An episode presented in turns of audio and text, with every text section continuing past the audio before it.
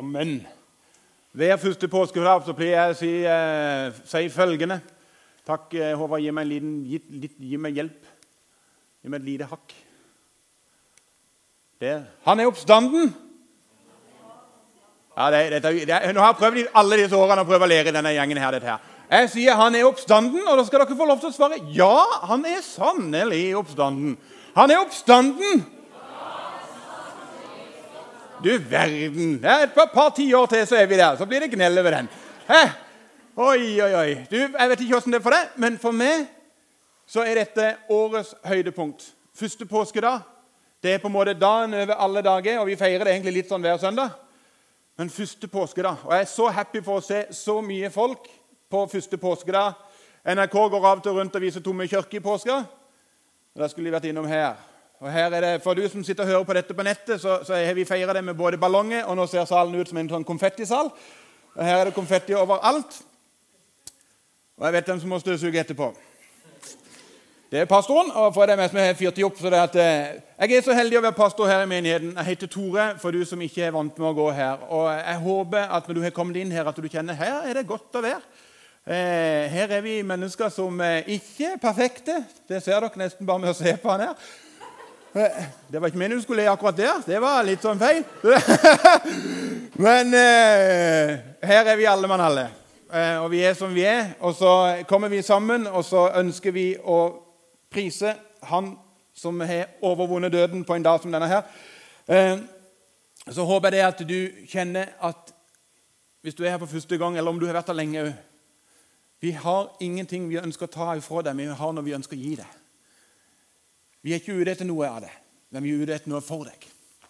Jeg håper at du kan sette deg ned eller du sitter jo allerede da, men, men litt sånn innvendig òg. At du kan sette deg godt ned innvendig og kjenne at du sitter. Og, og kjenne at eh, det som blir sagt, og det som blir sunget, kan treffe noe i ditt liv.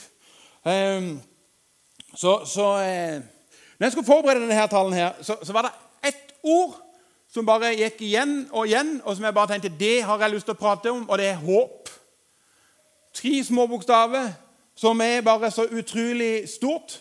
Eh, de fleste, eller jeg tror faktisk alle, alle har vi en eller annen sånn ting som vi håper på. Altså Det kan være noen sånne store ting, eller det kan være noen små ting. Altså, alle som spiller lotto, håper på å vinne i lotto. Eh, det er ikke tro for de som spiller lotto, som sier 'jeg håper ikke jeg vinner'. jeg håper ikke jeg vinner.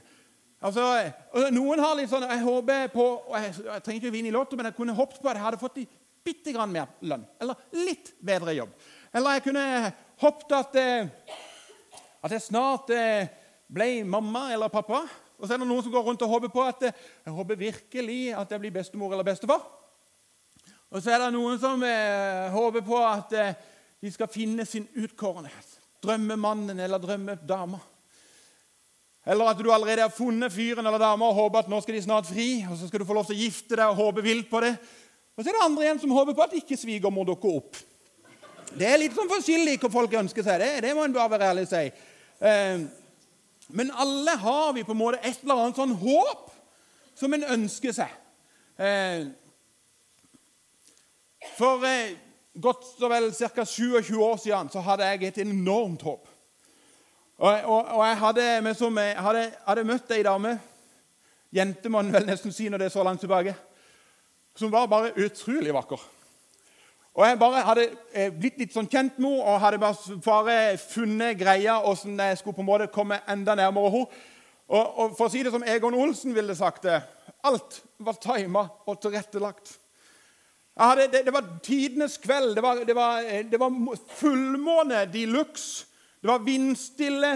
Jeg bodde i Grimstad i denne tida og hadde klart å få med meg denne dama ut på en flott måneskinnstur. Og hadde, jeg visste hvor jeg skulle. Der er nemlig, nemlig fin fin brygge på en spesiell plass i, i Grimstad. Og ut på den brygga der så får jeg med meg denne jenta. Og jeg kjente meg som at det var med, Bare se det før deg. Ha litt fantasi. sånn Fullmåne som bare bader seg i blikkstille sjø. Det er sånn at Du kan høre fiolinspillinga i bakgrunnen der. Og det bare, åh, og til min store held Jeg vet ikke hvordan jeg fikk det til, da, men jeg fikk på en måte denne dama inn i armkroken min. Og jeg tenkte nå Det er nå det gjelder. Så jeg kikket på henne, og så sier jeg sånn som vi pleide å si i den tida Har du lyst har, du lyst til å bli sammen med meg? Og Så kikket hun på meg med de nydeligste øynene du kan tenke deg. Og så sa hun Jeg veit ikke.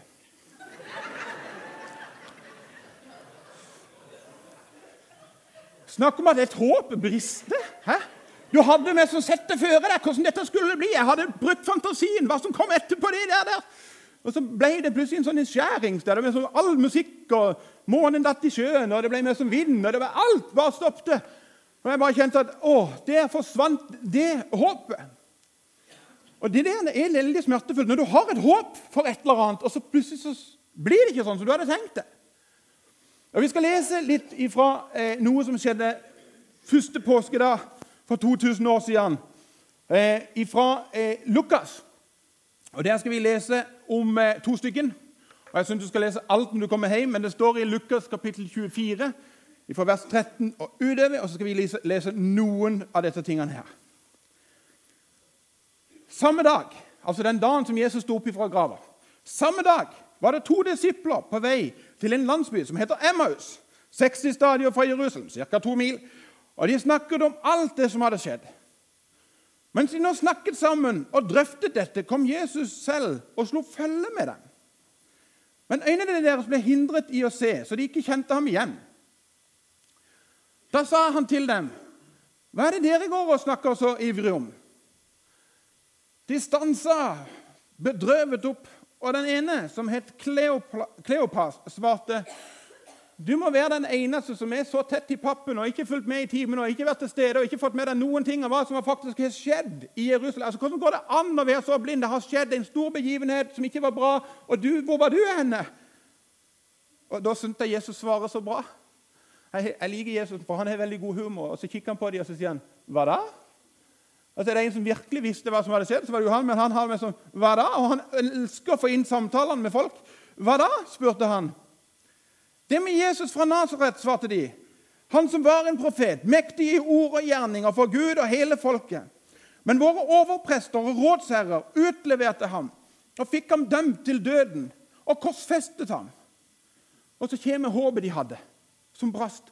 Og vi som hadde håpet at det var han som skulle befri Israel. Vi hadde virkelig håpa på, vi hadde satsa på og vi hadde virkelig forventninger til at han her han er vårt håp. Og så er han plutselig død. Det er som du kan på en måte se håpløsheten skreven i øynene på dem. På mange måter så gjør disse to noe som mange av oss her inne gjør. De satte et håp som ikke var så stort. De hadde satt et håp som ikke var stort nok.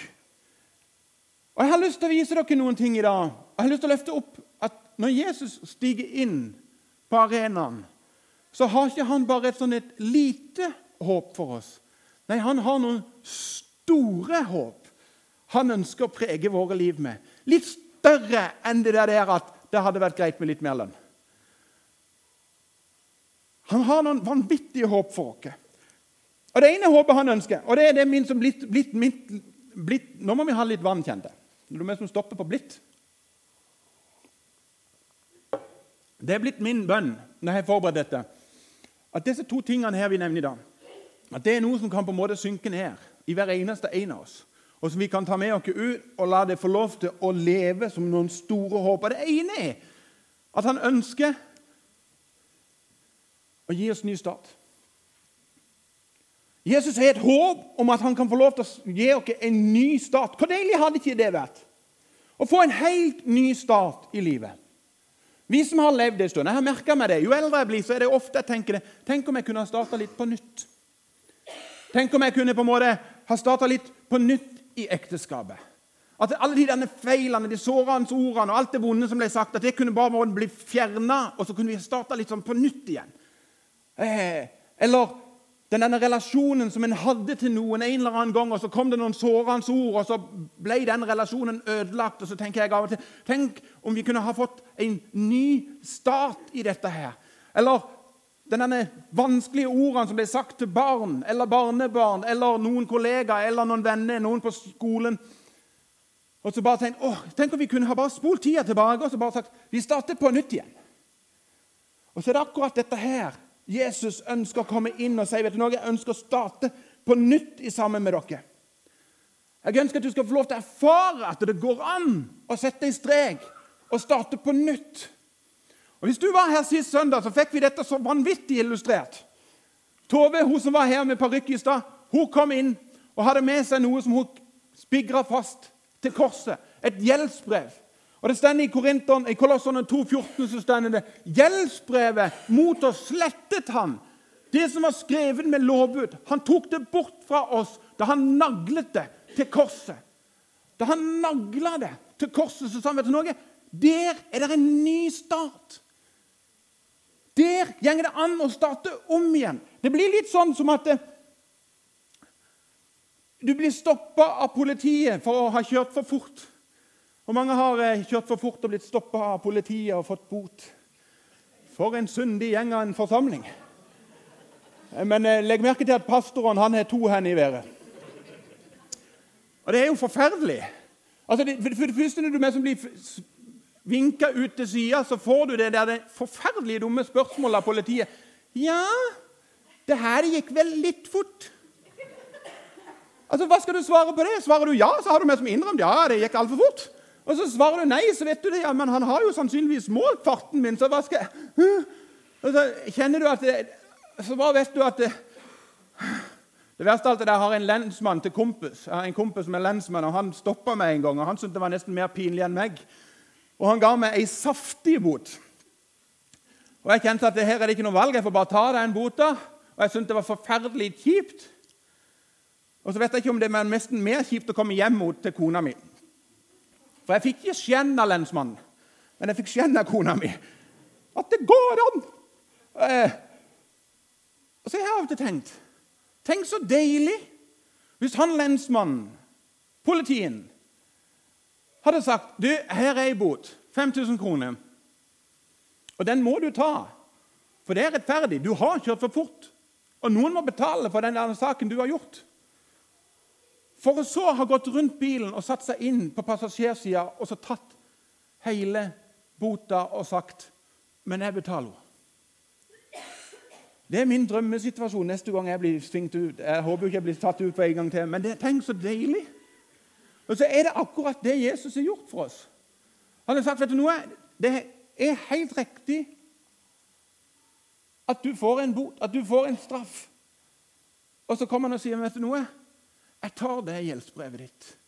Og så nagler jeg det én gang for alle til korset, sånn at du kan erfare hva det vil si å få lov til å starte på nytt. Det er det blanke ark. Det er det på en måte ting som var vekk, var vondt, blir fjerna. For vet du noe? Fra profetene så står det Vi gikk oss alle vill som sauer. Hver tok sin egen vei. Men skylden som vi alle hadde, lot Herren ramme ham. Og vet du noe? Det gjelder alle. Han lot absolutt alt som alle hadde gjort, få lov til å ramme Jesus. Men det er ikke alle som har tatt imot den gaven. Det er to forskjellige ting. Idet en tar imot en sånn gave Jeg kunne jo sagt, Hvis politiet satte seg inn i passasjersiden og sagt nei, du får ikke lov til å betale den. Jeg tar den. Det er jo min feil. jeg tar den. Det er litt for dumt at du skal gjøre det. Vet du noe? Da får en alle erfart hva det vil si å starte helt på nytt. Han som ikke hadde gjort noe galt, han fikk skylda. Han er den som gir oss en ny start. Og vet du noe?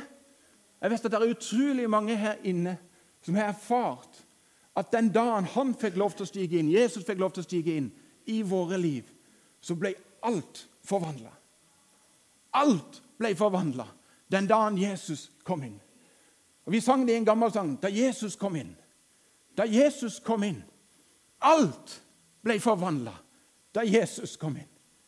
Jeg kan deg forklare hva som skjedde i mitt sinn men å, å, for en forskjell da Jesus kom inn. Når Jesus kom inn i mitt liv, så forvandla det ikke bare mitt liv, men det ble en ny start òg i et ekteskap. Det ble en ny start i forhold til relasjon til barn. Det ble en ny start i forhold til relasjon til en del venner. Det ble en ny start, for det var en som sa gjeldsbrevet som var deg i motoret. Jeg nagla det en gang for alle, så du skal få lov til å erfare at alt blir forvandla når Jesus går inn. Vet du noe? Hvis den er en plass i Bibelen å være grepet av Jesus Og Det å være grepet av Jesus det handler ikke om å være betatt av han og synes at wow, for en flott fyr. Men det handler om å være inntatt av Jesus. Der Jesus får lov til å ta bolig i mine, mitt liv og i ditt liv. Og Det var det Emmaus-vandrerne fikk lov til å erfare. Det gjenger jo bare kort tid, så erfarer de jo dette. At han som de vandrer sammen med, han er jo faktisk den oppstandende. Han er jo faktisk levende. Han har jo faktisk tatt mitt gjeldsbrev. Jeg hadde bare tenkt at han skulle redde Israel, men han har jo tenkt å redde alt og alle. Håpet mitt det var sånn, men hans sitt håp var enormt stort. Det er kanskje noen av dere som sitter og lurer på hva, hvordan gikk det egentlig med hun der dama du traff nede i Grimstad. Nei, du vet du noe? Hun hadde bare et litt større bilde enn meg. Hun så bare, Jeg hadde bare tenkt meg at jeg skulle få meg en kjæreste. Hun trengte bare noen dager å tenke seg om om jeg har lyst til å sette dette i et større perspektiv. Det gikk noen par dager, og så kom hun og så sa hun, nå har jeg tenkt meg litt om. Jeg ikke ønsker bare å ha deg som kjæreste, men som ektemann, som far for mine barn, og vi er gift en dag i dag. Det var en som så et større bilde. Det var én som så et større bilde enn å bare frelse Jerusalem og Israel. Men han så en, var en som ønska å frelse hver eneste en. Og vet du noe? Det gir oss ikke bare et håp for dette livet, men Jesus sier min og sier jeg ønsker å gi deg et enda større håp. Ikke bare en ny start, men jeg ønsker å gi deg et håp som er et enormt stort håp. Og det er dette evig liv. Evig liv, vet du noe? Bibelen sier det på denne måten her i 1. Korinterne 15. Hvis håpet til Kristus gjaldt bare for dette livet, hvis det var bare her dette håpet gjaldt er vi de ynkeligste av alle mennesker. Men nå er jo Kristus stått opp fra de døde, som førstegrøden av dem som er sovnet inn. Fordi døden kom ved ett menneske, er også dødens oppstandelse kommet ved ett menneske. For slik som alle dør på grunn av Adam, Adam, skal alle få liv ved Kristus Jesus. Hvis dette håpet handler bare om her, så var vi de ynkeligste av alle. Men han har gitt oss et håp for evigheten. Og Han sier det videre i 1. Peters brev. Lovet være Gud, vår Herre Jesus Kristus Far, Han som med sin rike miskunn har født oss på ny til et levende håp ved Jesus Kristi, Kristi oppstandelse fra de døde, til en, e, til en arv som aldri forgår, aldri skitnes til og aldri visner.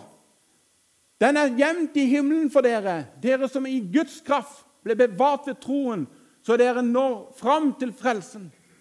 Den ligger alt ferdig til å bli åpenbart ved tidens ende. Derfor kan dere juble og glede. Derfor kan dere juble og glede. Derfor kjører vi opp noen ballonger der. Derfor smeller vi noen konfetti. Derfor skal vi hoppe i hoppeslott etter gudstjenester. Jeg skal være en av de første som må hoppe der, for jeg har all verdens grunn for å hoppe av glede. For det er en som kommer inn og sa vet du, nå jeg gir deg et håp for en evighet. Selv om det er nå en kort tid, om så må være, har det tungt i mange slags prøvelser. Uansett omstendighetene våre. Så det er en som sier vet du noe, jeg gir deg et håp for evigheten, òg når livet blir beintøft. Når livet blir beintøft, fikk jeg lov til å se med egne øyne for gode ni år siden. Han der bildet der, det er min pappa. Pappa døde i mai 2010 etter ett års sykdom, eller ett år med diagnosen ALS. Når pappa fikk den sykdommen der, så sa legen rett ut dette er det verste et menneske kan få.